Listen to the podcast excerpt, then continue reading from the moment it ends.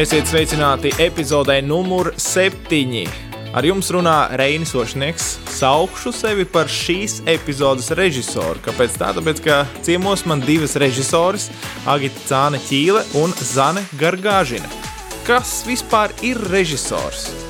Pasākuma režisors, televīzijas translācijas režisors, montāžas režisors, ēšanas režisors, dzīves režisors, lidojuma režisors, kāds tik vien nevar būt režisors. Kā jau minēju, šī ir septītā parunāsim epizode, bet jau desmito reizi notiks kilograms kultūras. Par to, protams, parunāsim, jo abas dāmas ir iesaistītas šī pasākuma tapšanā un visiem televīzijas darbiniekiem tagad likšu aizdomāties, kura ir jūsu mīļākā vieta Zaķu salā. Televīzijas ēkā, varbūt visā salā, bet padomājiet par to, lai forši klausīšanās.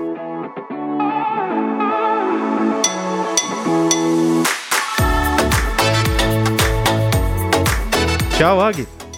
Čau, Reini! Čau, Zane! Čau! Prieks tevi redzēt šodien! Apusēji, apusēji. Brīdī, kad uh, ierakstām, ārā spīd saulīte. Tik skaists skats pa logu. Kā jūtaties? Nu, cik forši ir uzbraukt tik augstu televīzijā un paskatīties pa logu, cik smuki izskatās Rīga no augšas. Agrāk sēžot 15. stāvā, vienmēr tāds āla panorāma, visu tā iedvesmo, vienmēr paskaties, padomā, doma lido. Un tagad trešajā stāvā tik garlaicīgi. Tik zemu. Jā. Man liekas, ka uh, saule vienmēr uh, tādu labu dopingu iedod. Jau no rīta, ir spīd saulīt, tad tu zini, ka būs forša diena. Tu jau ar tādu jau pats sevi noskaņo tādās labās domās. Un televīzijā ir tas uh, īstenībā tādā, tas plus, ka tu atbrauc uz Zaķu salu. Un tev ir tas horizons, nu, tā kā tev, tev ir tā brīvības sajūta, ka tu vari tā, redzēt tālu un tā kā tiekties tālu. Tev ir tā, tāda plašuma sajūta. Un tas, man liekas, tas, tas priekš manis ir uh, tāds ļoti iedvesmojošs forši, ka tev ir kādreiz kaut kāds grūzons vai kaut kas nesenāk, tad tu vari iziet ārā, aiziet pie daugos, paskatīties uh, tālumā. Tu esi uz salas galu galā. Ūdeņos. Jā, Mm. Ir, ir kaut kāda maģija tai salai. Tur piekrīt. Klau, par, uh, par to lielo pasākumu, kas tuvojas. Kilograms kultūras. Varbūt provokatīvs jautājums, vai tu tur var tas kilograms vispār sanāks? Aizvadītā gada laikā pietiekami daudz ir noticis, visu, lai varētu to kilogramu savākt. Mm, Protams, man liekas, tur ne tikai kilogramiņš sanāks, tur jau katru gadu sanāk tik daudz. Arī īstenībā pagājušais gads, lai gan likās, ka pandēmija nav, nav tik traki. Man liekas, kultūras ļaudis vienmēr ir ļoti aktīvi. un Viņi jau nespēja nosēdēt mierā. Saprot, viņiem jau to radošo enerģiju kaut kur jāliek. un tad To jau arī viņi mums piedāvā skatītājiem, un to mēs arī saraušam kopā pa gadu. Man liekas, ka jā, uz to jautājumu tā, tas, tā kultūra dzīvo savu dzīvi, viņa turpina dzīvot. Un kultūras, nu, dažādi žanri meklē kaut kādus uh, citus ceļus, uh, kā izpausties, kā sevi parādīt. Man liekas, tas ir ļoti pozitīvi.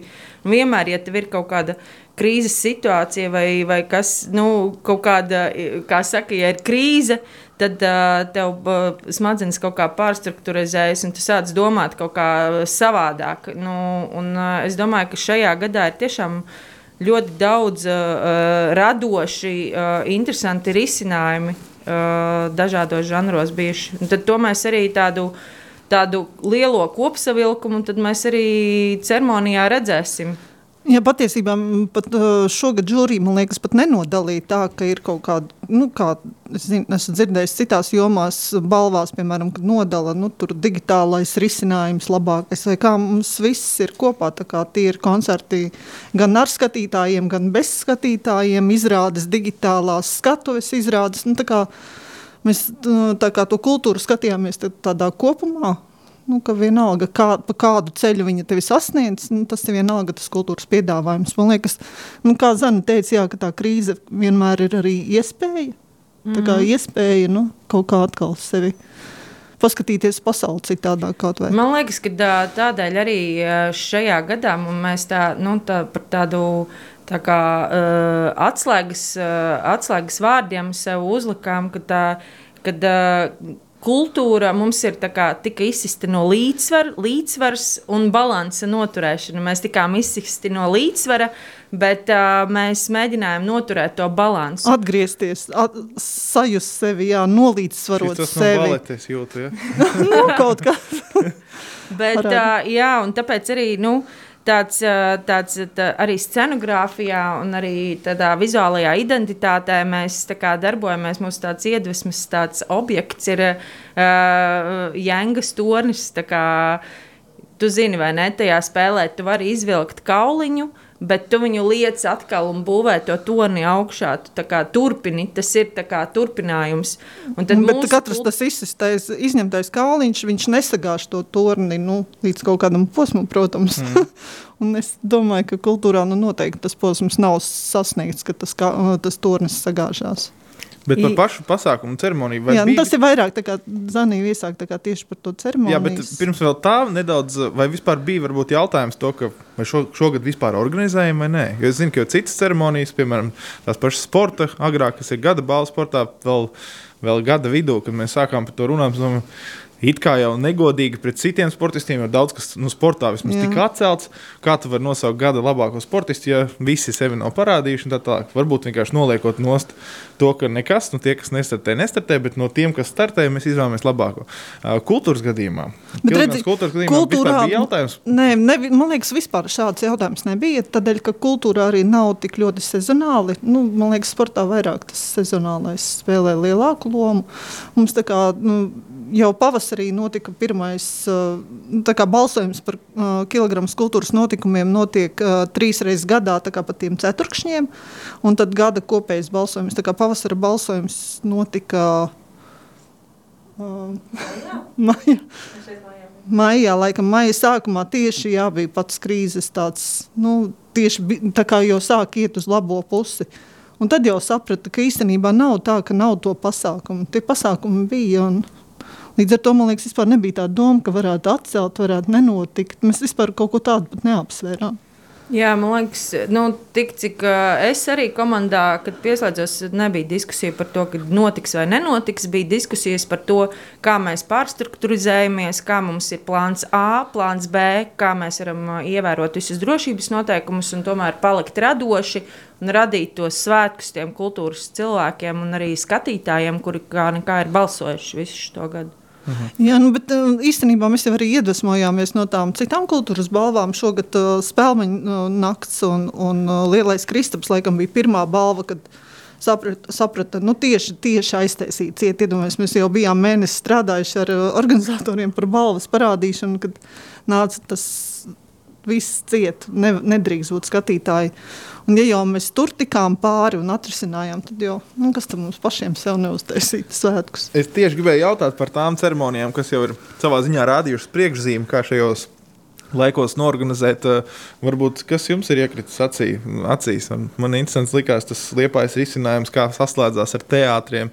Ka visi ar to distanci, bet visi priecājas. Tur nu, noteikti ir kaut kādas lietas, ko var pasmelties, pašpikot, kas strādā, kas nē. Kas jums varbūt ir iekritis no acīs? Nu, mēs tā kā uzreiz nolēmām, ka mēs uh, netaisām uh, tā, tādu variantu, ka mums uh, balvas saņēmēji ir attālināti. Mm. Mēs gribējām to, šos cilvēkus, ievērojot visas distances un, un pakāpenisku viesu ierašanos, lai neviens tur nekrustojas lieki un lai nav neveidojas nekāda burzma, bet tomēr šos cilvēkus uh, Jā, mēs tā kā sajust klātienē, nu, vismaz, lai nav šī ekrāns ekrānā, kas nu, tiešām ir ārprātīgi apnicis jau. Mm. Sūmi, Skype un Nē, tā kā tu saki, piemēram, arī tās ceremonijas, kas ir bijušas, parādīja kaut kādus. ā, Kaut kādas uh, foršās, stiprās lietas un kaut kādus vājos punktus, kas uh, tiešraides režīmam uh, ir uh, nu, bīstami. Un, tāpēc mēs tā izvērtējot to visu pieredzi, kas jau ir bijusi iepriekš, mēs pieņēmām lēmumu, ka mēs taisām ceremoniju, kurai ir scenogrāfija, kurai ir vadītāji un mūsu galvenie kā ceremonijas viesi ir šie nominanti.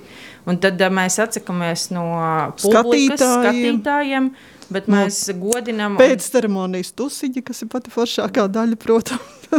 Jā, un mēs tā kā fokusējamies un koncentrējamies, lai tiešām parādītu šos cilvēkus, kas uh, iepriekšējā gadā ir radījuši un, uh, un uh, publikai devuši kaut kādu savu kultūras graudiņu. Par to, mēs te daudz runājam par to, bet jūsu kon- konkrētie pienākumi. Zāne, tu esi gan pasākuma, gan arī laukuma režisori, ja? un tu, Agita, esi šī televīzijas produkta režisore. ne? Režisori, jā, kas sēdēs pie pults, bet nu, īstenībā zini, uh, es uh, jūtos tik ļoti iesaistīta visu laiku tajā kultūra kilograma tapšanā, tādēļ, ka nu, es esmu kā kopā ar kilogramu kopš viņš vispār radies. Un arī gada laikā kā sekoju līdzi tiem visiem notikumiem, vācu video materiālus par tiem notikumiem, kas iziet uh, cauri skatītāju balsojumam. Un, un, nu, tāpēc man liekas, ka es visu laiku kaut kur tepat līdzās esmu.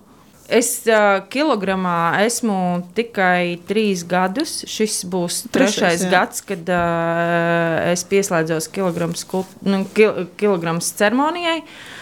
Un, uh, es neesmu visu laiku tajā procesā iekšā, tā kā agita, piemēram, ka es atkal pieslēdzos uz konkrētu šo ceremonijas laiku. Uh, un tad uh, es jau pašā sākumā sapratu, ka, nu, uh, kad Agita teica, ka uh, vajag nu, jaunu, uh, jaunu skatījumu, kaut kādu nu, jaunu asinis, un kad uh, nu, aiziet. Un, uh, un uh, tad uh, es sapratu to savu uzdevumu, kad uh, es kā, uh, no, uh, no sevis varu piedāvāt kaut kādu. Uh, konceptu, kaut kādu uh, lielo, uh, lielos atslēgas vārdus un kaut kādus vizuālos risinājumus, un tad mēs tajā komandā virpinām viņus tā kā, tā kā tu uztaisīsi uh, pikošanās mazu piciņu, un tad viņa veļās, veļās, veļās no kalna, kamēr tu jau esi. Bet tu spēlēji to ģēngas spēli. Nē, īstenībā šogad uh, tas bija tā, kad uh, man. Uh, Kad man uzrunāja uh,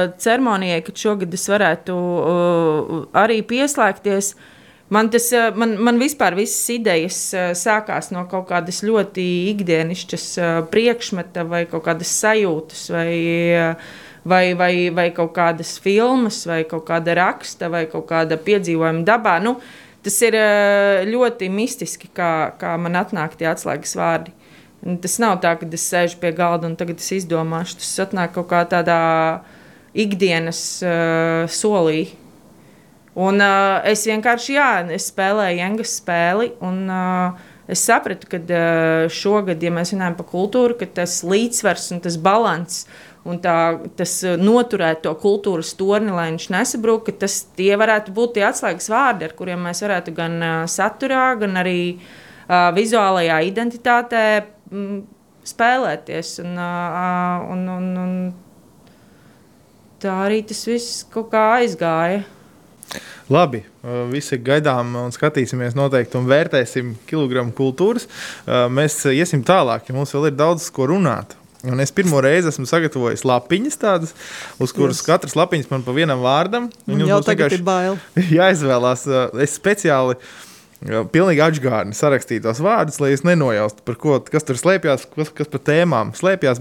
Tāpēc pirms tam uz, uzjautāšu varbūt jūsu nojausmas par, to, par tēmām, par ko mēs varētu runāt. Tātad tēmas ir, es pats neatklāšu visas īstenībā. Es domāju, izņemšu divas, nolasīšu, kas tur rakstīts. Un, un, un, un, un, un, un tad jūs izvēlēsieties vienu no tām. Tātad uz vienas lapiņas rakstīts jums, uz otras trolēļus. Nu, tad kopīgi jūs esat uz vienas frekvences izvēlēties pirmo lapiņu, par kuru mēs arī runāsim.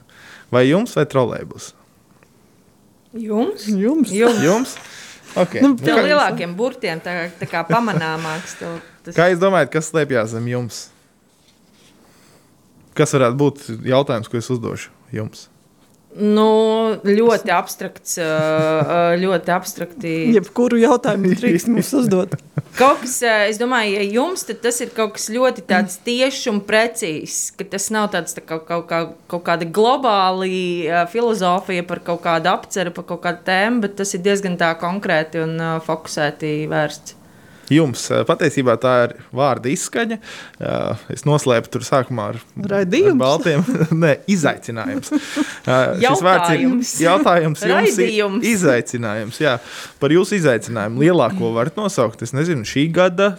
Pieci gadus, desmit gadus es tur velku, tu- varbūt te uz studiju pusi, ka tu šim trakajam TV ritmam, darbiem pa vidu vēl izdomā uh, maģistrātu pa, pa, pabeigt. Un, mm. un, un, un tas ir izaicinājums noteikti, bet pašas izstāstiet, jā, kas ir izaicinājumi lielākie. Šī gada nogalē man bija tāds pārdomu mirklis pašai par to, ko es esmu izdarījusi. Kā jau visiem, kas ir padarīts, kas ir kas jāpadara. Un uh, tad es sapratu vienu tādu svarīgu lietu, jo mm, pirms gada, jau bišķi vairāk atpakaļ, es pieņēmu lēmumu, ka es uh, gribu uh, nedaudz kaut ko pamainīt savā dzīvē. Un, uh, es izdomāju, ka es iešu, iestāšos maģistratūrā.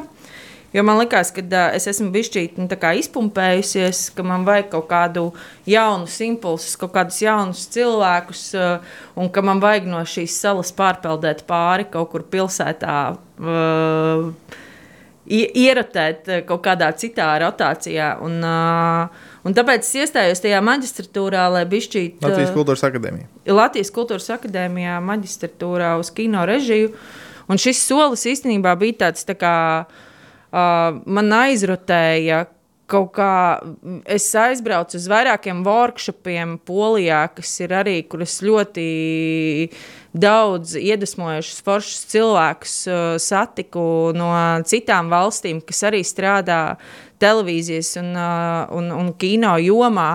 Un, uh, es ļoti uh, Es ļoti novērtēju to, to izaicinājumu. Tie, tie, katrs šis solis bija tāds izaicinājums, jo es biju tādā komforta zonā šeit, uz uh, Zaķu salā, uz salas. Mēs esam tādā noslēgtā, noslēgta kompānija, kas uh, tā, un tad es. Noslēgtā timekodā vēl pēc tam. Jā, tad, ā, tad es sevi tā kā izaicināju ar šo akadēmiju, kas pārvērtās arī. Es izaicināju sevi aizbraukt uz Ķīnu uz diviem mēnešiem. Un, un, un tas es visu laiku tiem izaicinājumiem teicu, jā, kas man pirms tam nebija tā baigi raksturīgi. Tāpēc es teiktu, ka tas ā, izaicinājums vairāk ā, man bija fokusēties uz kaut kādām savām. ā, uz savām lietām, uz savu prātu, uz savu, uz savu darbu, uz uh, to, kas man interesē. Un, uh, nevis, uh, kā saka, strādāt pēc pieprasījuma. Nē, kā ir pareizi strādāt pēc, nu, kad, uh, Pasūtījumu. nu, jā, kad es visu laiku esmu Strādāt pēc pieradusi, pasūtījuma, ka ka man tiek uzdoti, jā, ka man tiek uzdoti uzdevumi, un man viņi ir jāatrisina kaut kā. un Tad, tad uh, tas gads bija tāds, jā, tāds, uh, kad es vairāk tā kā, mēģināju saprast, kas man pašai interesē, un izlobīt uh, kaut kādas lietas, kuras es vairāk gribu attīstīt, par kurām es vairāk gribu interesēties un, un, un, un izzināt, uzzināt. Bet cepur nost, it sevišķi šajā laikā, ka vienmēr mēs bieži vien cilvēki saka, nav laika, nav laika, nav laika. Kur tu tagad, ak, Dievs?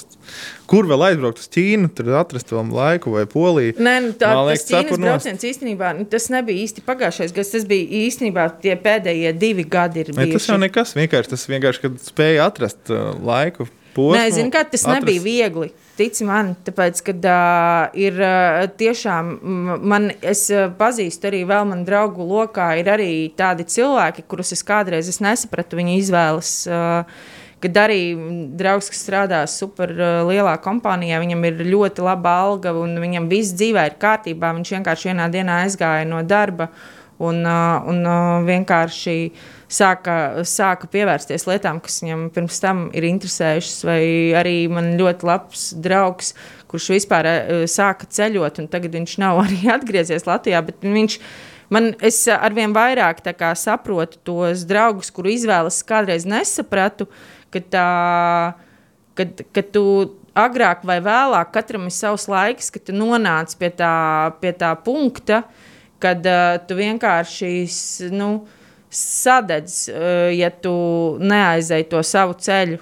Un, uh, man ir uh, tas, tas bija ļoti grūts lēmums, jo es sapratu, ka uh, man, es nevarēšu tik daudz strādāt. Es arī stājoties iekšā akadēmijā, man prasīja, kā es to apvienošu ar uh, darbu. Es teicu, ka es esmu ļoti kā, noskaņojusies, ka es tiešām gribu mācīties. Es arī tiešām gāju uz visām lekcijām un klausījos. Un, uh, Uz semināriem, kas nebija obligāti. Man, man tiešām man tas bija tāds, tāds uh, uzdevums prioritāte priekš manis. Es pirmo reizi dzīvē laikam paliku to darbu otrā pusē. Jo darbs, es arī negribu, lai tas izklausās kā darbs, darbs. Tas nav kā darbs uh, bankā, ja tur uh, no tikiem līdz tikiem. Mums jau tas darbs ir. Man ļoti patika Marina Abramoviča uh, vakar vai aizvakar. Viņai bija tāda uh, intervija ar jauniešiem Facebookā, streamā. Es netīšām uzgāju, jo es viņai sekoju. Viņa teica, ka uh, Viņi, cilvēkiem viņa ir jāmīl tāda, kāda viņa ir, jo viņa ir tas viņas darbs. Nu, viņa ir sava, viņa nenodala darbu no savas privātās dzīves, jo tas ir tā, tas ceļš, ko viņa iet. Un, Tad man arī ir tieši tāpat. Mana ģimene ir sapratusi, ka uh, man ir jāmīl tādu, kā es neceļu telefonu. Es esmu ļoti reti ciemos uh, pie Bet, bet uh, viņi mani mīl, jo viņi zina, ka tas ir tas mans ceļš, un tā es tā kā spēju sevi piepildīt. Uh, un, uh, Tā es sevi redzu šajā pasaulē. Skaists, nē, nu skaists nē, nu izaicinājums. Es saprotu, Zani ļoti labi noformulēja, man liekas, to, kas ir tāds televīzijas tāda darbinieka, nu tāda televīzijas cilvēka, kas atdod visu savu dzīvi tai televīzijas darbam, kas mums ir nenormāls darba laiks, jāstrādā brīvdienās, svētku dienās. Tu visu laiku Naktīs. domā par to Jā. radošo darbu, tu esi tajā visā iekšā un, un ka tu nespēji to dzīvi tā sakārtot un nodalīt, ka te man ir privātā dzīve un te mans darbs. Jā. Piecos atnāk mājās, es to darbu izslēdzu un par to vairs nedomāju. Un tad, man liekas, Zana ļoti labi noraksturoja. Jā, tas ir tāds, man liekas, visiem izaicinājums, kas strādā televīzijā vairāk vai mazāk. Šīs lietas kaut kā vai nu pieņemt, vai nu sakārtot, izveidot to savu sistēmu, kā tu tajā visā dzīvo. Mm. Savs izaicinājums. Nu, man jau tas pats viss. Jau, man, man jau nav jauni izaicinājumi. Mm -hmm, mm -hmm. Nu, labi, tad iesim tālāk pie nākamām lapiņām. Tad ir nākamā lapiņa. Uz vienas rakstīts klepus, uz otras zibens. Zibens. Zibens, jā. Zibens? Labi. Zibens. Kā, kā jūs domājat, tēma? Zibens. nu, kaut kāds uh, negaidīts pavērsiens vai kaut kas tāds nu, patiesībā tas ir uh, tur, kur ir zīmēns, tur noteikti ir pērkons, un tad ir saule, mm. pērkons, daugā. tā, tā, tāda ir tā ķēdīte, kā es nonācu līdz zibenim. Bet uh, par dziesmu deju svētkiem arī tur jūs abas divas uh, atšķirīgās lomās esat darbojušās. Tu esi bijusi arī no otras puses, nevis tik ļoti no televīzijas puses, vai ne? No pasākuma Jā, man puses. uh, bija tā, tāds izaicinājums arī. Bet es uh, īstenībā tas bija ļoti interesanti. Uh, Jo jā, tas, tas, tas bija vēl uh, lielie dziesmu sērki. Man uh, uzrunāja, man jau mani uzrunāja Jānis Purviņš un Elmārs Senkovs. Viņi bija izdomājuši, ka viņi grib komandā cilvēku, kurš, kuram ir televīzijas pieredze Bet uh, es strādāju kā uh, Elmāra Senkova asistente tajos svētkos. Viņš bija lielais režisors, kurš uh, deju uzvedumam Māra Zeme uh, bija režisors, un tad uh, es viņu asistēju. Un uh, tad, tad bija tā, ka uh, bija dažas situācijas, kad, uh, nu, uh, nē, īstenībā pats galvenais, ko es gribēju pateikt, kas man ļoti patika šajā radošajā komandā, tur bija Pūriņš, tur bija. Nu, uh, uh, Senkovs, tur bija Suhānaus, tur, tur, tur visi arī šie cilvēki. Viņu uzstādījums bija tāds, ka viņi grib uh, vairāk iziet kontaktā ar uh, televīzijas, ar televīziju. Nu, kā, lai tas nav tādu pāris dienu darbs pirms tam, bet lai tas ir tiešām tā kā kopdarbs, tas ir baigi, sadarbība. Tas man liekas ir baigi svarīgi. Nu, tā, jo iepriekš lielajos mums... pasākumos tas ir nenovērtējumi. Ja pasākuma organizatori šo saprot, ka tādā veidā ieguvēji ir visi, Tas, tā, tas ir milzīgi. Un tāpēc es domāju, viņi bija pirmie īstenībā, mm. kas kā, spēra to soli, un es biju kā, Es nezinu, es, tur, es, es biju tā tāda saistviela, jo es biju gan televīzijas, gan es pārzināju visu to radošo koncepciju no sākuma līdz beigām. Mm -hmm. Tad es biju tā saistviela, kas tā kā, starp televīziju un to radošo komandu, kas bija radījuši to konceptu, nu, tur pa vidu kaut kā eksistēju. Un, un es. Uh, ļoti priecājos, kad arī uh, tālāk uz bērnu svētkiem, kas arī tagad ir atcelti, bet tomēr tur domā, uh, kas tika atcelti, bet nu, tagad mēs redzēsim, kā būs vasarā. Bet uh, arī šis koncepts nu, tiek paturēts un uh, tās, tās ievirzes tiek uh, turpinātas, kad šī sadarbībai ir daudz lielāka nozīme un spēks uh, pirms tam. Un, uh, par, to, par to arī paldies! Uh, Un īstenībā tieši tur es arī sastapu Elmāru pirmo reizi, kad es viņu vispār nu, nepazinu pirms tam. Bet bija daudz tādas epizodes, kad tu tā pagaidi, pagaidi, klausieties, nu, kā to parādīt. Nu, pad, padomājiet no televīzijas puses. Nu, tā, kā, viens ir tas doma lidojums, ko organizatori domā, kā tur skaisti mākslinieciski kaut ko parādīt, bet tad ir ieslēgts zāle. Viņa tā, pagaidi, pagaidi, čeki, tas nu, nē, nē. Tā, tā mēs nedarām, jo tas būs grūti parādāms kamerā. Vai, Bija nāk, nāk prātā tāda epizode. Zinu, kā man bija vairāk tā, ka uh, es tās idejas, es ļoti labi katrs uh, virsvadītājs un katrs arī nu, choreogrāfs, kas to deju ir radījis. Viņi jau zina tos uh, atslēgas punktus, uh, kas tajā dejā ir. Un, un tad skaidrs, ka režisoram ir viens skatījums, un šim choreogrāfam ir uh, vēl kāds skatījums, un tad ir tas vidējais aritmētiskais, kurš sanāk, mm. ko ierauga skatītājs. Un, uh, un šu, šajā praksē, šajos dziesmu sērkos, es tiešām redzēju, jo bija Liena Žēmunde, kas bija sēdē pie pults, Liena tiešām ļoti precīzi, skrupulozi gāja cauri idejām. Mēs runājām ar virsradītājiem, mums bija sapulces, mums bija ar Elmāru sapulces, ar choreogrāfiem sapulces. Un, un Liena tiešām tā kā mēģināja ieklausīties un uzsūkt to, to viņu, viņu domu un to viņu konceptu. Uh, un, un pēc iespējas labāk atrādīt televīzijā. Skaidrs, ka mēs pirms tam tur izdiskutējām tajā radošajā komandā, kas ir svarīgi vai no kā mēs tomēr atsakāmies, jo tas ir baisais risks. Bet, bet tādu ļoti kardināli bija viens moments, kur purviņa dejā bija līgava, bija kāzas moments un bija ziedlapiņas, rožu ziedlapiņas meitenei uz, uz, uz galvas rotas. Un tad mēs uh, ielikām operatoru tajā lielajā tūkstošu virpulī, uh, kur griezās, lai varētu nofilmēt to plānu, kā tā ziedlapiņa krīt, ka viņi, ka viņa griežās. Un tas bija tāds viens tāds no nu, operators ekstrēmā. bija saģērbs tāpat kā vispārējie. Nē, tas bija kamerā. tas bija Paulītis, man liekas, jā, tas bija Paulītis. Kāpēc to jautāju, jo tieši tagad uh, Jebkurš var apskatīties YouTube amerikāņu futbola fināls, lielais, kur ir 100 miljonu skatītāju tikai mm. Amerikā, kas ir skatītākais sporta notikums tur Ziemeļamerikā. Tur vienmēr gaida to puslaiku šovu. Un, un, un šogad kanādietis The Weekend uzstājās. Yeah. Mm -hmm. un, un šogad, protams, skatītāji bija, bet bija trešdaļa no stadiona, laikam 25,000 no 80,000 mm. stadionu. Un šogad īpaši varēja redzēt, ka fokus ir tikai un vienīgi uz kamerām. Un viņš ir uh, baigo šovu uztaisījis, bet visu laiku fokus ir kā parādīt, ka viņš laikam skatās kamerā, viņš skrien kaut kur ieiet iekšā, tas dziedātājs, un tad ir, viņš, viņš ir tikai ar kameru, kur es nezinu, kādā veidā tas tika parādīts, bet tur var papētīt. Interesanti. Es tieši domāju, kolēģiem sūtīju, ar cik kamerām tur ir tas viss ir parādīts. Mm -hmm. Pēc tam viņš noskrien lejā uz laukumu, kur ir simtiem dejotāju. Un tad es pamanīju, ka operators un viņa asistents abi arī saģērbušies tieši tāpat kā visi pārējie dejotāji. Viņus tā nemaz nu, nepamanās tā kopējā fauna. Bet tas ir stāsts par to, ka tu ļoti varēji redzēt, to, ka pasākumu organizatori, koncertu organizatori. Šīs 15 minūtes ir nostrādājušas, lai tas televīzijai būtu kā garšīgs produkts.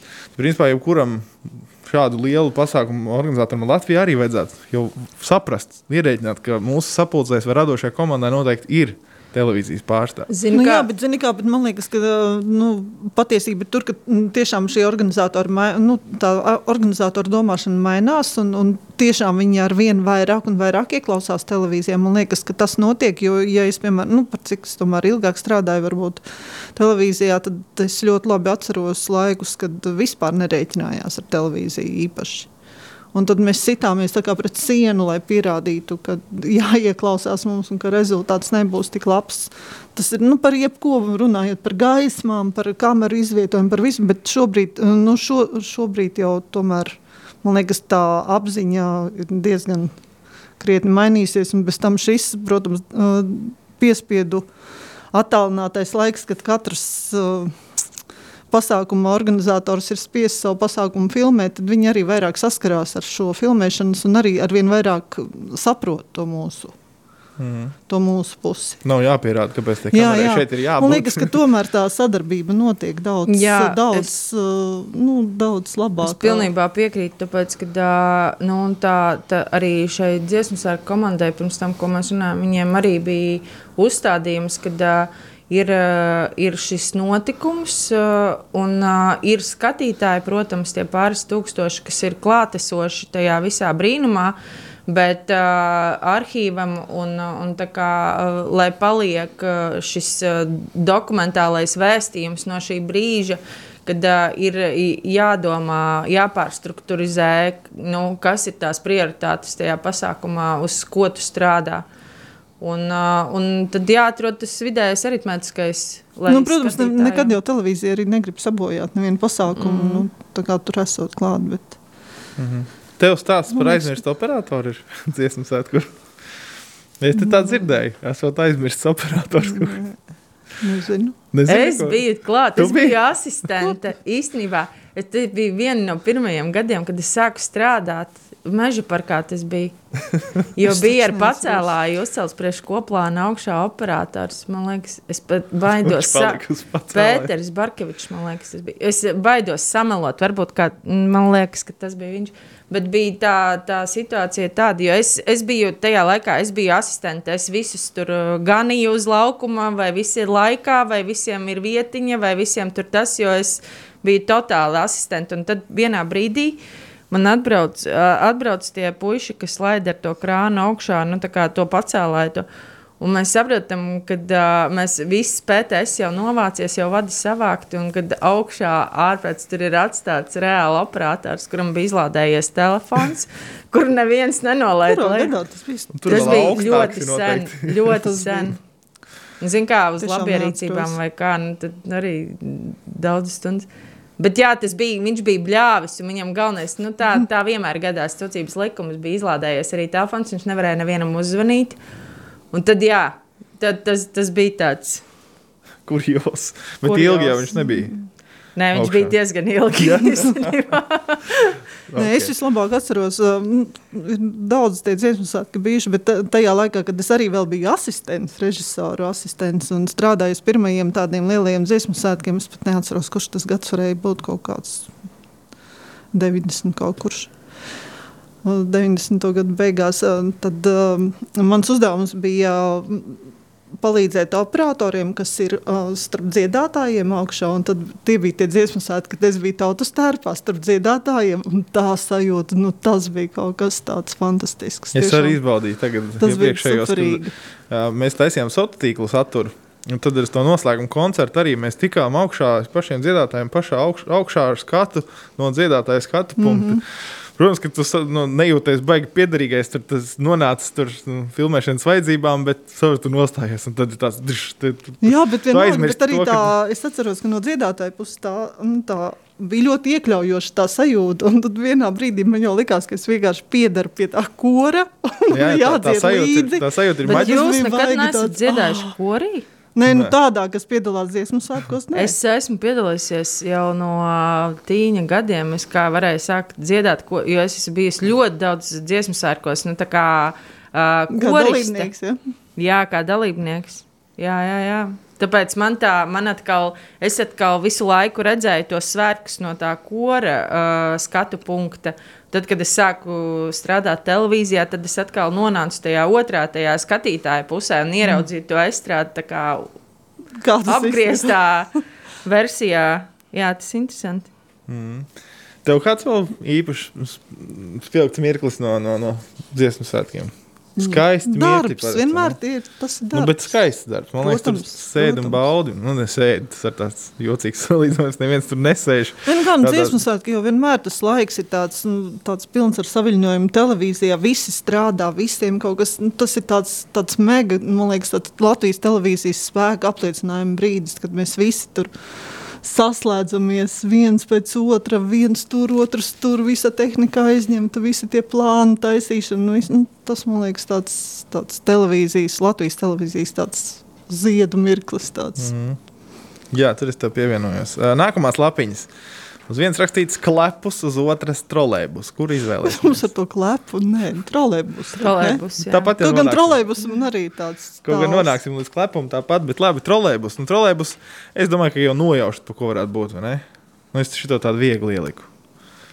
Nē, žēl, ka jūs tagad Es neredzat trolēbusā, acis. es reāli, nē, man neesmu tas trolēbus, ļoti es nezinu, kāds ar parādīja to lapiņu, man uzreiz vienkārši, jo bija kādreiz tas uh, kino raidījums iebrauc kino, kuru, kur es biju, ar, arī man, man tas bija tāds pirmais lielais projekts, un uh, es tieši trolēbusā braucot uz Zaķu salu, iedom, izdomāju nosaukumu tam raidījumam. Tāpēc man tas trolēbus totāli at, nu, atgādina to mirkli, kad es, jā, šī tāds būs tas, nos, šis būs tas Nu, Pareizi, nosaukums. pareizi jau tu pareizi virziens ir, jo, jo trolēļus uh, asociējas, protams, pietur šeit, un, un tas ir ceļš uz televīziju. Šobrīd nav mums trolēļus, nebrauc šeit vairāk, bet, uh, bet uh, vēsturiski viņš šeit bija, un ļoti daudz tieši ar trolēļus nokļuva uz televīziju.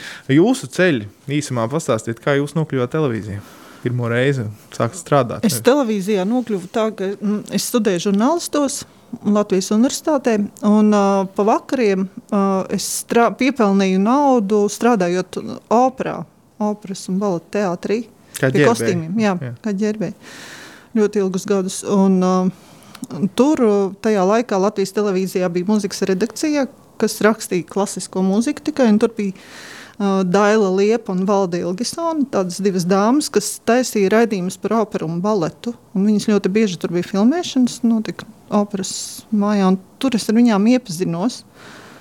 Un, uh, tā gadījās, ka viņām vajadzēja uh, kā asistentu, administratoru, nu, kas ir visvienkāršākais darbs radošajā komandā. Un, Viss, ā, laikam, mēs esam jā, sākuši ar administratoru darbu. Tā, tā es, es te atnācu, jā, un mana kolēģe Maija Amoliņa mani pieņēma darbā. Un tas bija pirms Pirmais 25 lielais gadiem. darbs.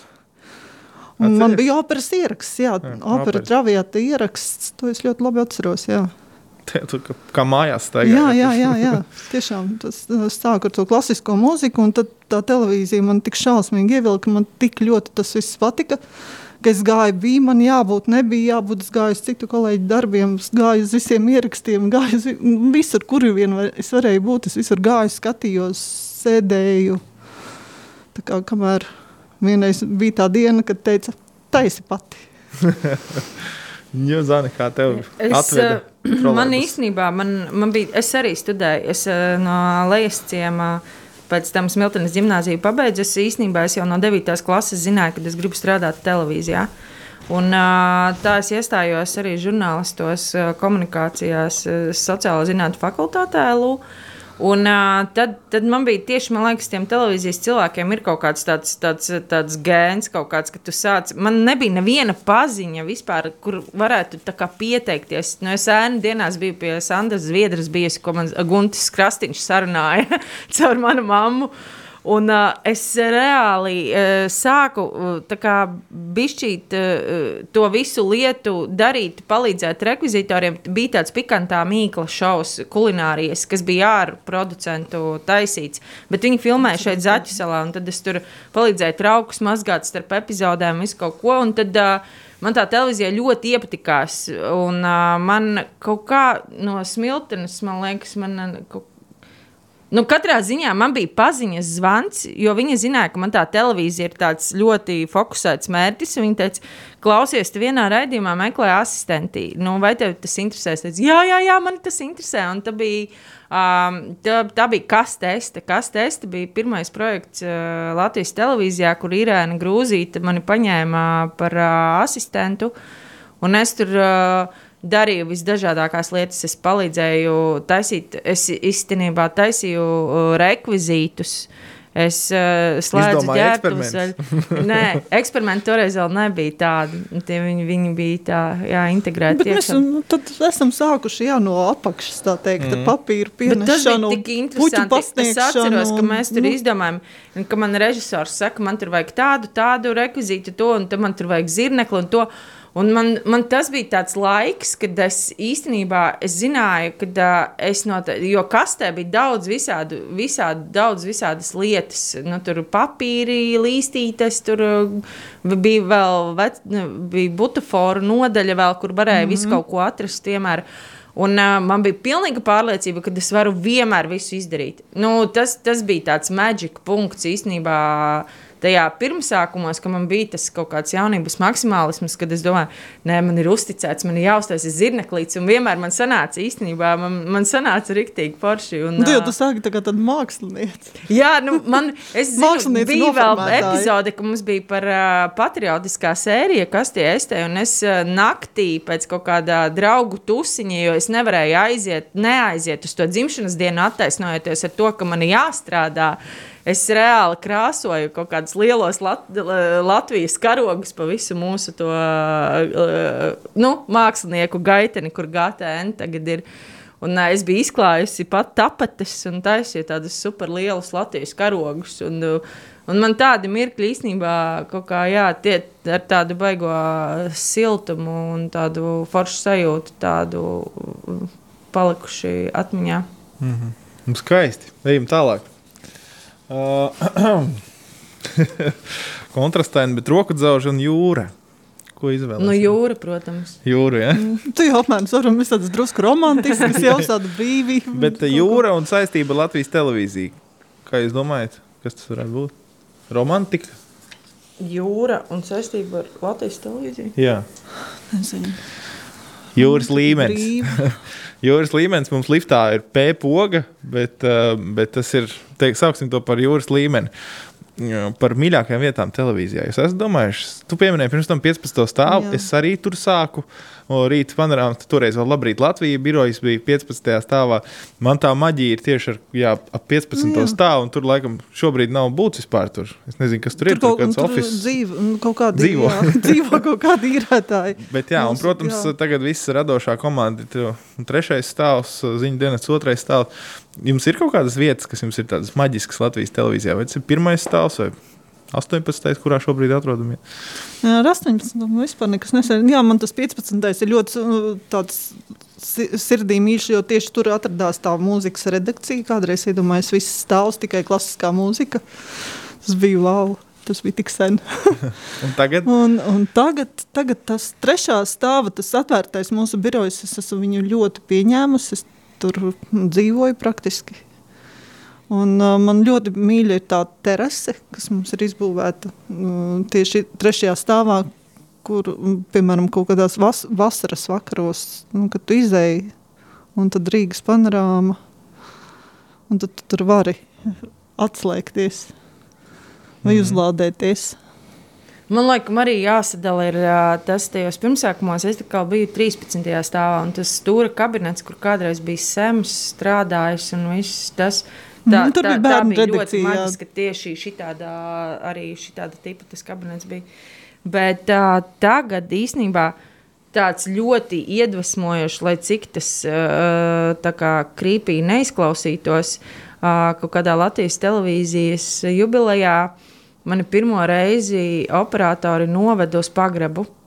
Un uh, tas pagrabs man tik ļoti ierezonēja, tāpēc, ka uh, tajā pagrabā ir tik daudz noslēpumu, tik daudz Tur ir tik visādas daudz super vietu, kur nofilmēt kaut ko neparastu. stā, nu, tā kā tu ej un tu iedomājies, tur ir daudz skāpīšu, un tā, tur ir ļoti tādas kinematogrāfiskas, mm. uh, nu, tādas, uh, ne, nu, nav brīnums, ka kino brauc filmēt uz Latvijas televīziju, jo tur tiešām ir uh, tādi ļoti uh, saglabāti, autentiski. faktūrainas vietas tādas, nu, Jā, tādi autentiski uh, stūrīši, kur, uh, kurus, es domāju, Latvijā ir grūti atrast kaut kur citur.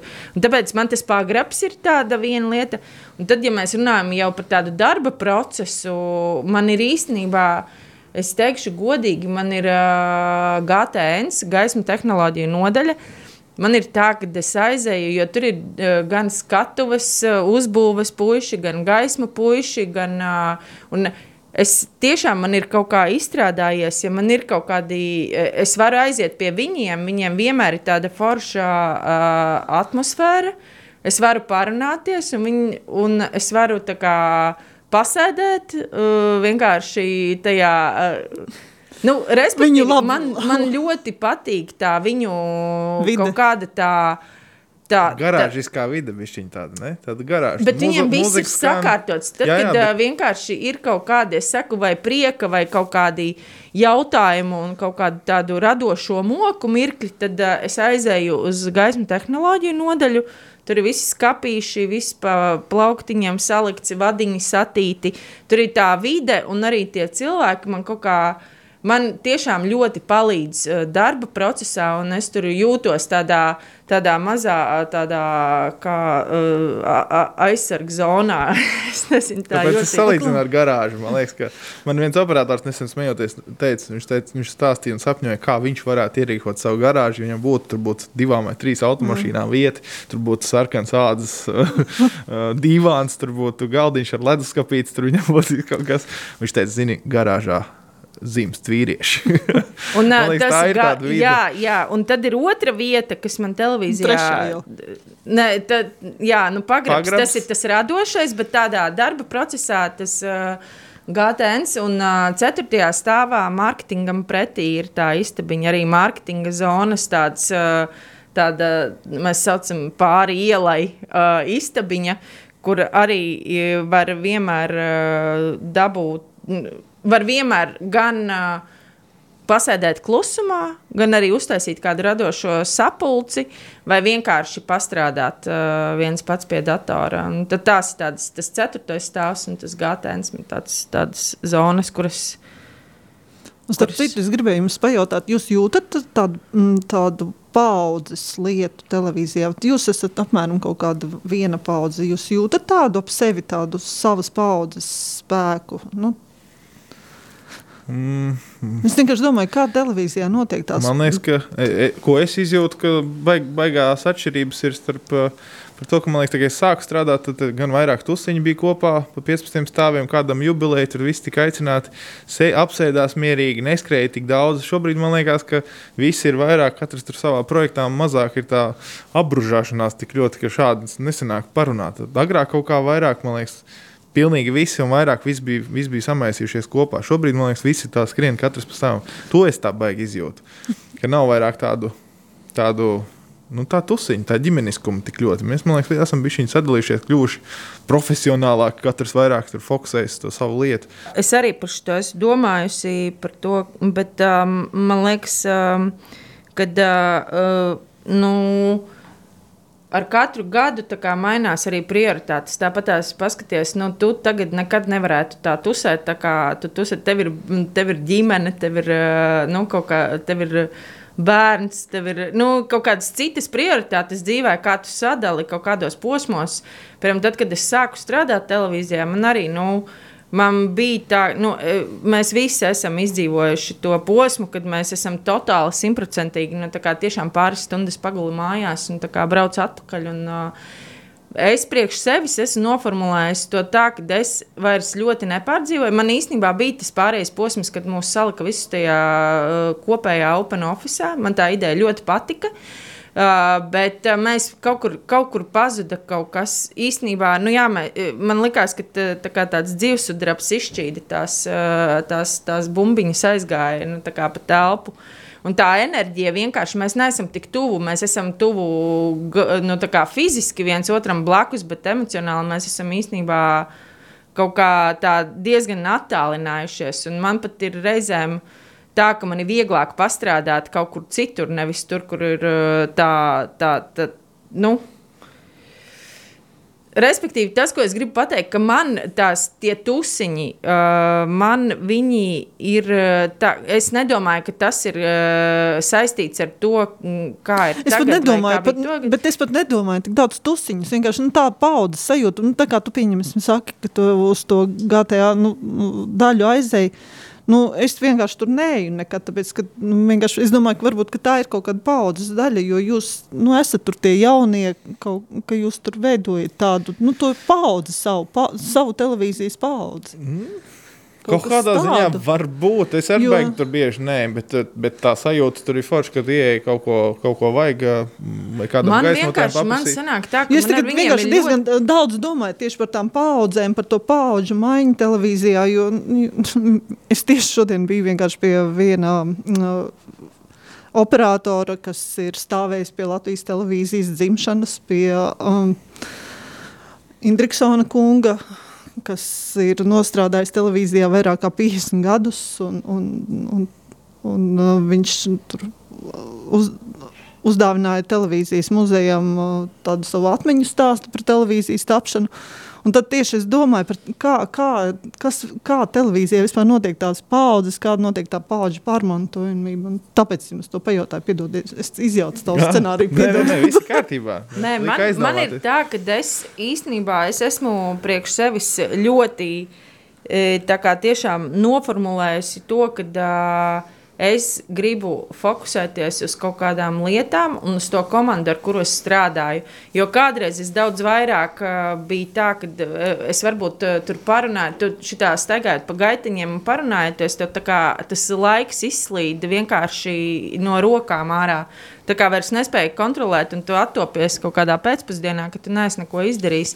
Tāpēc es ļoti apzināti. Nu, uh, dzīvoju kaut kādā savā uh, komandas burbulī. Lai mm -hmm. es netērētu lieki enerģiju, diskutējot par kaut kādām lietām, vai, vai, vai, vai nu, kas man priekš manis nu, nedod nekādu vērtību. Nu, es no tā neko neiegūstu.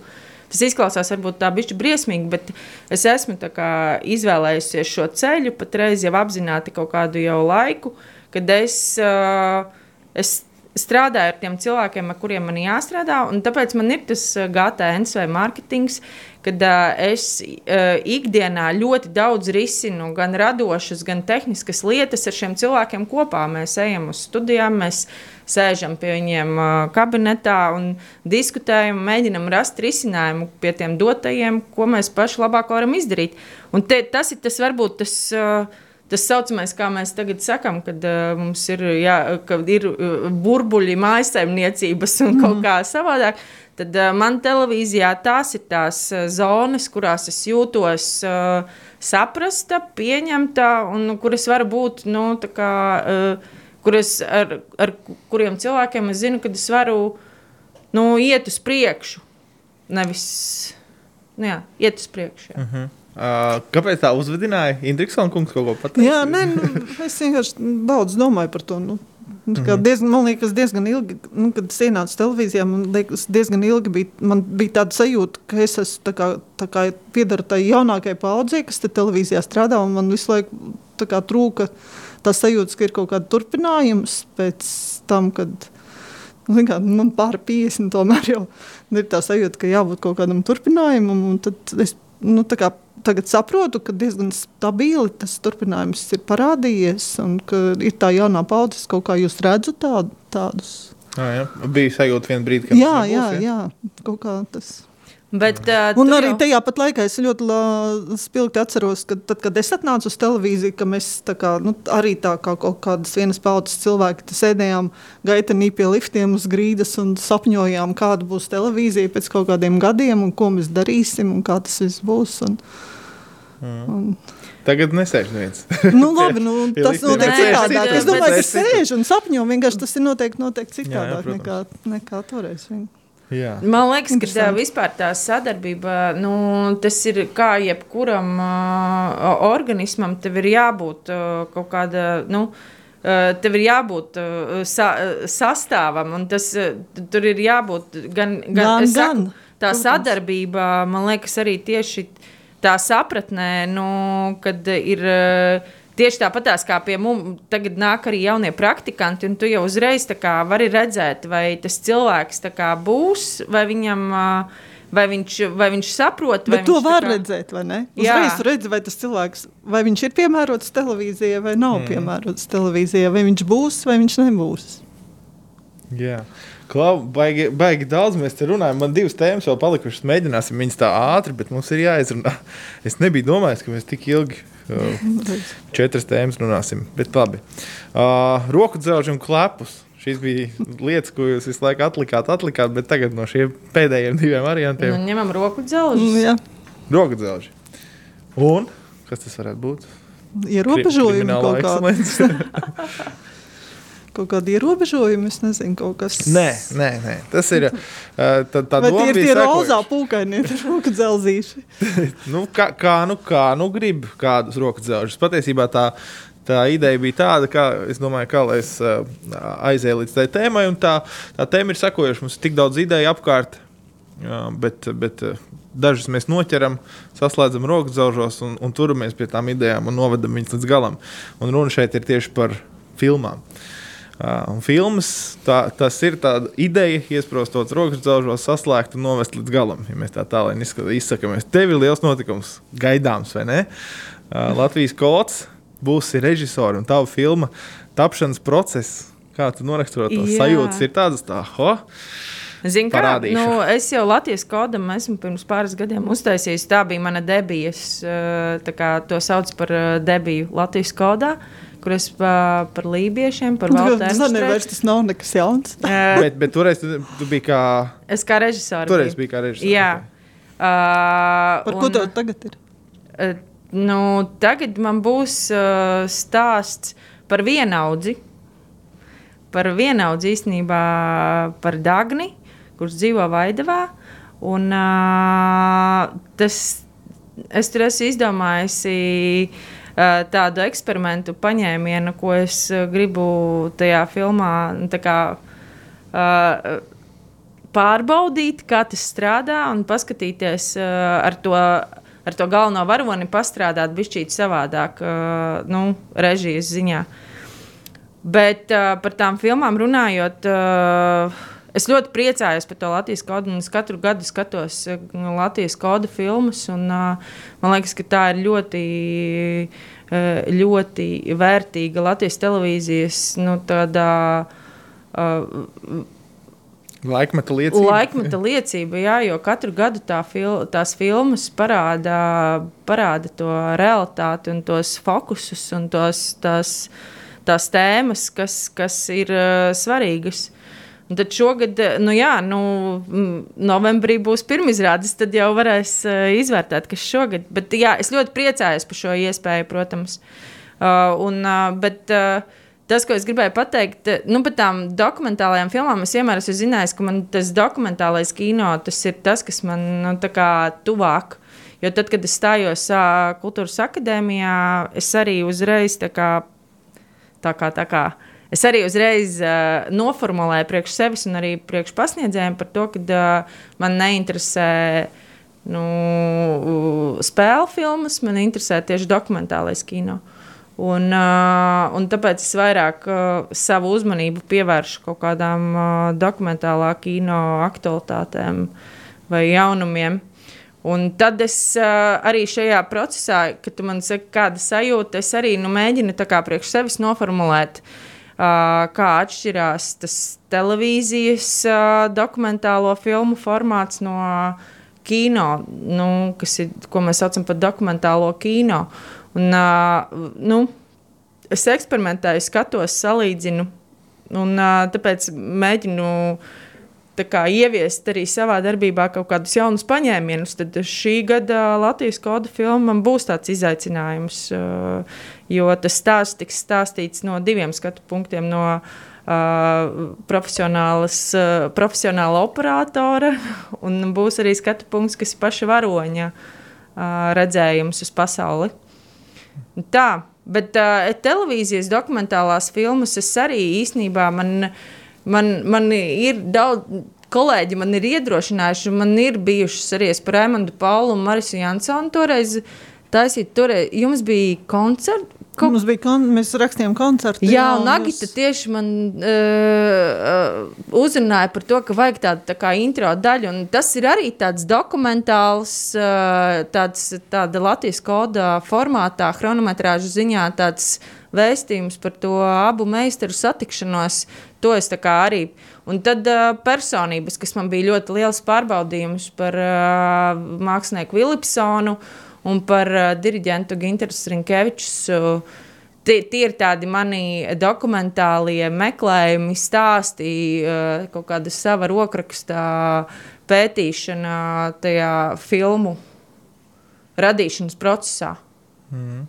Agita, tev gan, ja mēs iztēlojamies tos nu, rokas dzelžus, ja, kā parasti uz tiltiņiem saliek, ka cilvēki precās, viņi tās uh, kā viņi sauc, hūtenis, ja, vai tautas valodā saliek. Ja tev tos rokas dzelzīšus vajadzētu salikt, tev ir gana daudz, un, un katra tā filma ir tomēr īpaši dokumentāla, ir tāda savā ziņā attiecības ar to varoni. Tie ir viņa vidē, nu, jā, kā tur augies uz to dokumentālo kino, un varbūt ne tikai dokumentālo. Ne, nu, es ārkārtīgi augstu vērtēju to, ka Latvijas televīzijā strādājot, šeit mums ir tāda iespēja taisīt šādus cilvēku stāstus, kas man ļoti, ļoti patīk un kas man arī vilina un notur šajā profesijā.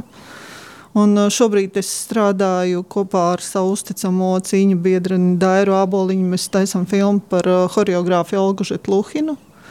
Uh, tā filma varētu ap šo laiku jau viņai vajadzēja piedzīvot pirms rādījuma. Nebūtu pagājušais gads mūs tik ļoti, ļoti izsits no sliedēm filmas veidošanā, bet mēs šogad esam stingri apņēmušās filmu pabeigt. Un tad, jā, un tas ir vienmēr tāds. Tas sākuma posms ir tāds, tāds ļoti iedvesmojošs. Tu aizdedzies ar to ideju, tad tu saskaries ar to realitāti, kā lai piekļūstam cilvēkam, kā lai viņu pieradina, kā lai viņam tā pietuvojas. Tad, pietuvojoties, tu atklāji kaut kādus jaunus zemūdens akmeņus un, un visādus satvarus, ar kuriem tu nebija rēķinājies. Tad tu domā, kā to pārvarēt. Uh, Un tad, kad tu to filmu uztaisīji, tad, tu, tad tev ir tik žēl, ka tev jāšķirās, un, jo jau ir tā sarasts. Un, un tad, tas ir jā, tā, tad, man liekas, tas ir mūsu darba medusmaize. Tā to sauc. Mm. Šie stāsti. Bet, uh, atgriežoties pie izaicinājuma, tev ir vēl kaut kas, nezinu, kāds paņēmiens, ko tu vēl neesi kaut kad izmantojis dokumentālā stāstā. Kas, kas, kas būtu tāds interesants, ko tu vēl gribētu kādreiz? Bet vienmēr jau tev ir jāatrod tas savs ceļš, kā tu to stāstu stāstīs. Man liekas, parasti jau īpaši, ja mēs runājam par tām personību filmām, tad uh, tas cilvēks jau tev priekšā nodiktē, kā tu par viņu vari. Es, es vairāk, es neesmu tāda konstruētāja, nu, tik ļoti, nu, kas uzkonstruē to savu formu, un tad tur mēģina iebāzt to cilvēku. Man vairāk tas cilvēks vai tas pamats iedot uh, impulsu izveidot formu. Vai, piemēram, runājot par filmu arheoloģijām, ko es arī taisu to, tādus dokumentālos stāstus par vecajām filmām, par viņu tapšanu. Uh, Un, pavēru šīs filmas kaut kādā mūsdienu mērķē, kā mūsdienu auditorijai piedāvāja paskatīties uz viņām, tad arī katru reizi šī filma mums iedod to impulsu, kādā veidā mēs šo stāstu izstāstīsim. Nevis es izdomāju paņēmienu un tad piemeklēju filmu. Tā, tā tas nestrādā man. Bet tā ir tāda forša satikšanās. Jā, jā tā ir milzīga forša satikšanās. Tas tiešām ir vienkārši tas, kas man, ko es mīlu šajā darbā.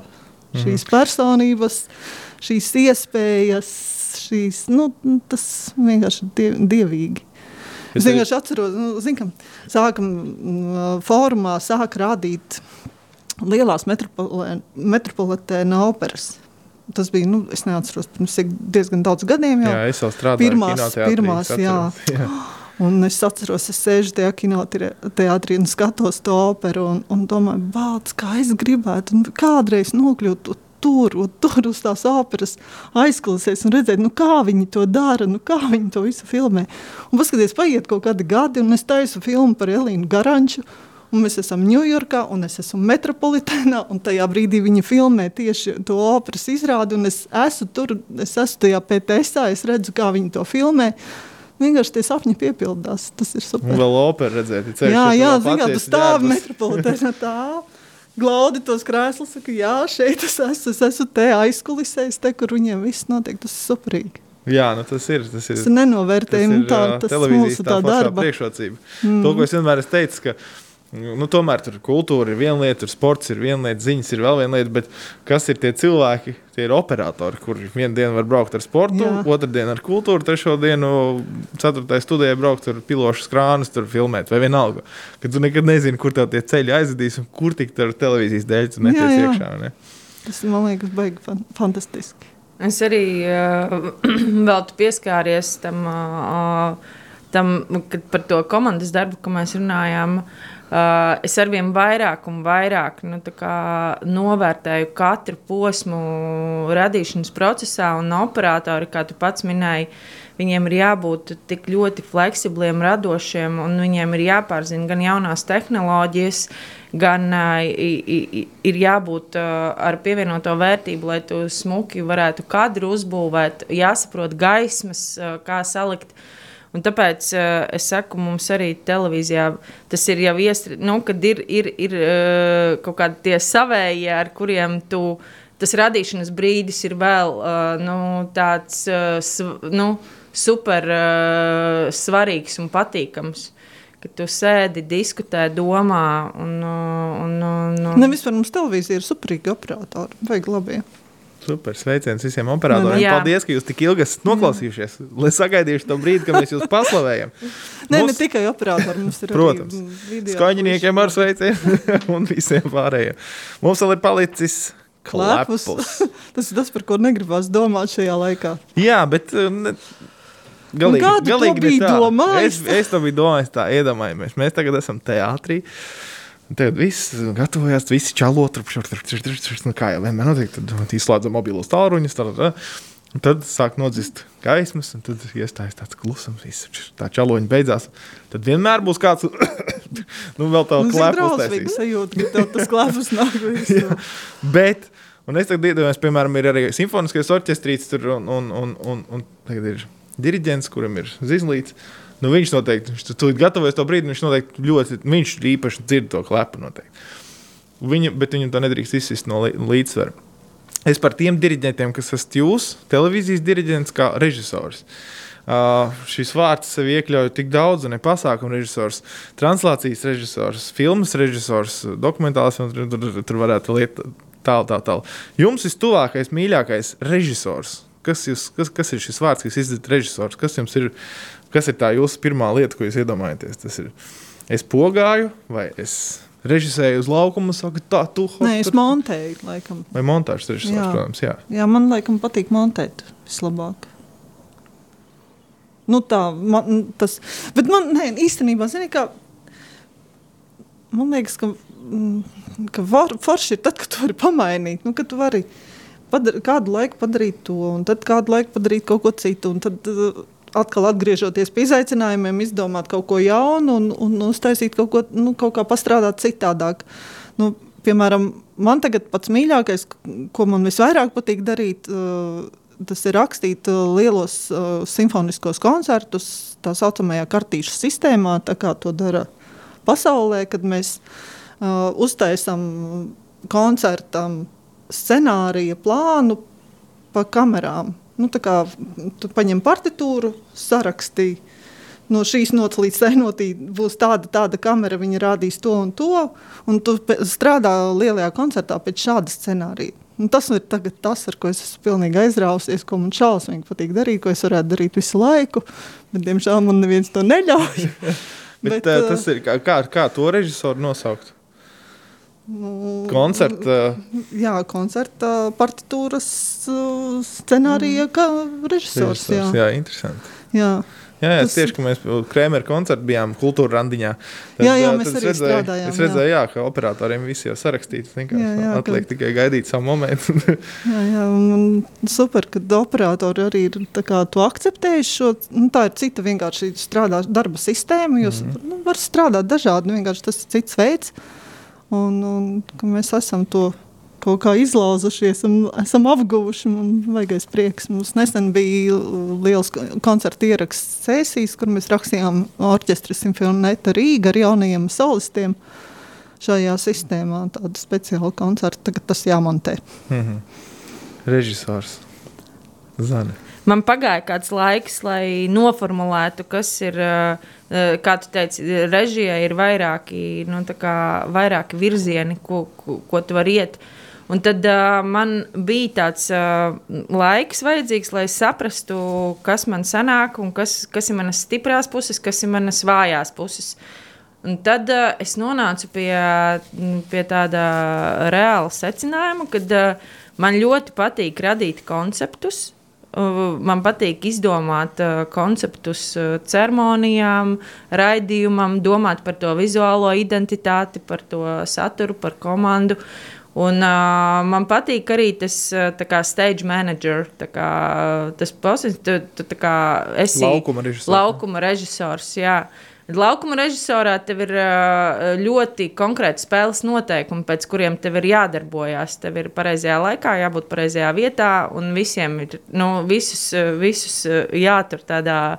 Uh, nu, tonusā par to, lai visi darbojas tā, kā tas organisms, lai viņš strādā, kā viņam jāstrādā. Bet tas ir ļoti foršs darbs īstenībā. Man ļoti arī patīk būt laukuma režisoram, jo tas ir tāds darbs, ko tu izdari, un tev ir tas rezultāts uzreiz tik ļoti jūtams. Kad viss mm -hmm. ir mhm. noticis labi, un, un par to gan var noķert ļoti baigo, baigo gandarību uzreiz. Mm -hmm. Tas, ko es uzreiz sapratu, kad uh, es esmu pa daudz. Uh, Uh, pat daudz haotiskā, un uh, man bieži vien ir grūti pieņemt lēmumu ļoti ātrā tempā. Kad es pie pults uh, noteikti nevarētu strādāt tādā tiešraides režīmā. Uh, es abrīnoju Agitu, Arvīdu, Zitu, Lienu, Aigu. Nu, visi, kas mums ir foršie televīzijas režisori, tiešraides režīmā strādāt pie pults, tas ir ļoti ļoti smags un atbildīgs uzdevums. Un tie cilvēki ir spējuši kā, atrast sevī tās kvalitātes, lai viņi tīri nu, uh, varētu to darīt. Tā, tāpēc es ļoti racionāli kā, izvērtēju, kas man patīk, ko es varu un kas man sanāk. Un, uh, Tad uh, sausais atlikums ir tāds, man ļoti patīk šie, šis radošais, šo konceptu radīšana un, uh, un strādāšana uz laukuma. Skaisti skaisti. Novēlu jums, lai ideju vienmēr ir par divām vairāk, lai ir no kā izvēlēties. Jo tas ideju radīšanas process dažreiz ir, bet interesants, protams, bet, protams, vienmēr prasās tā, vēl no citas puses paskatīties un tā tālāk, lai vienmēr ir interesanti, lai ir daudz stāstu par ko. Tēlu vai, vai, vai varoņu, par ko taisīt filmas, lai ir daudz pasākumu, lai notiek pasākumi un lai biežāk aicina televīziju radošajās sapulcēs, vai ne? Neatkarīgi no uh, pasākumu lieluma. Man bija ļoti interesanti. Es ceru, ka arī klausītājiem, es ceru, ka arī jums. Paldies jums par sarunu. Paldies! Paldies! Paldies.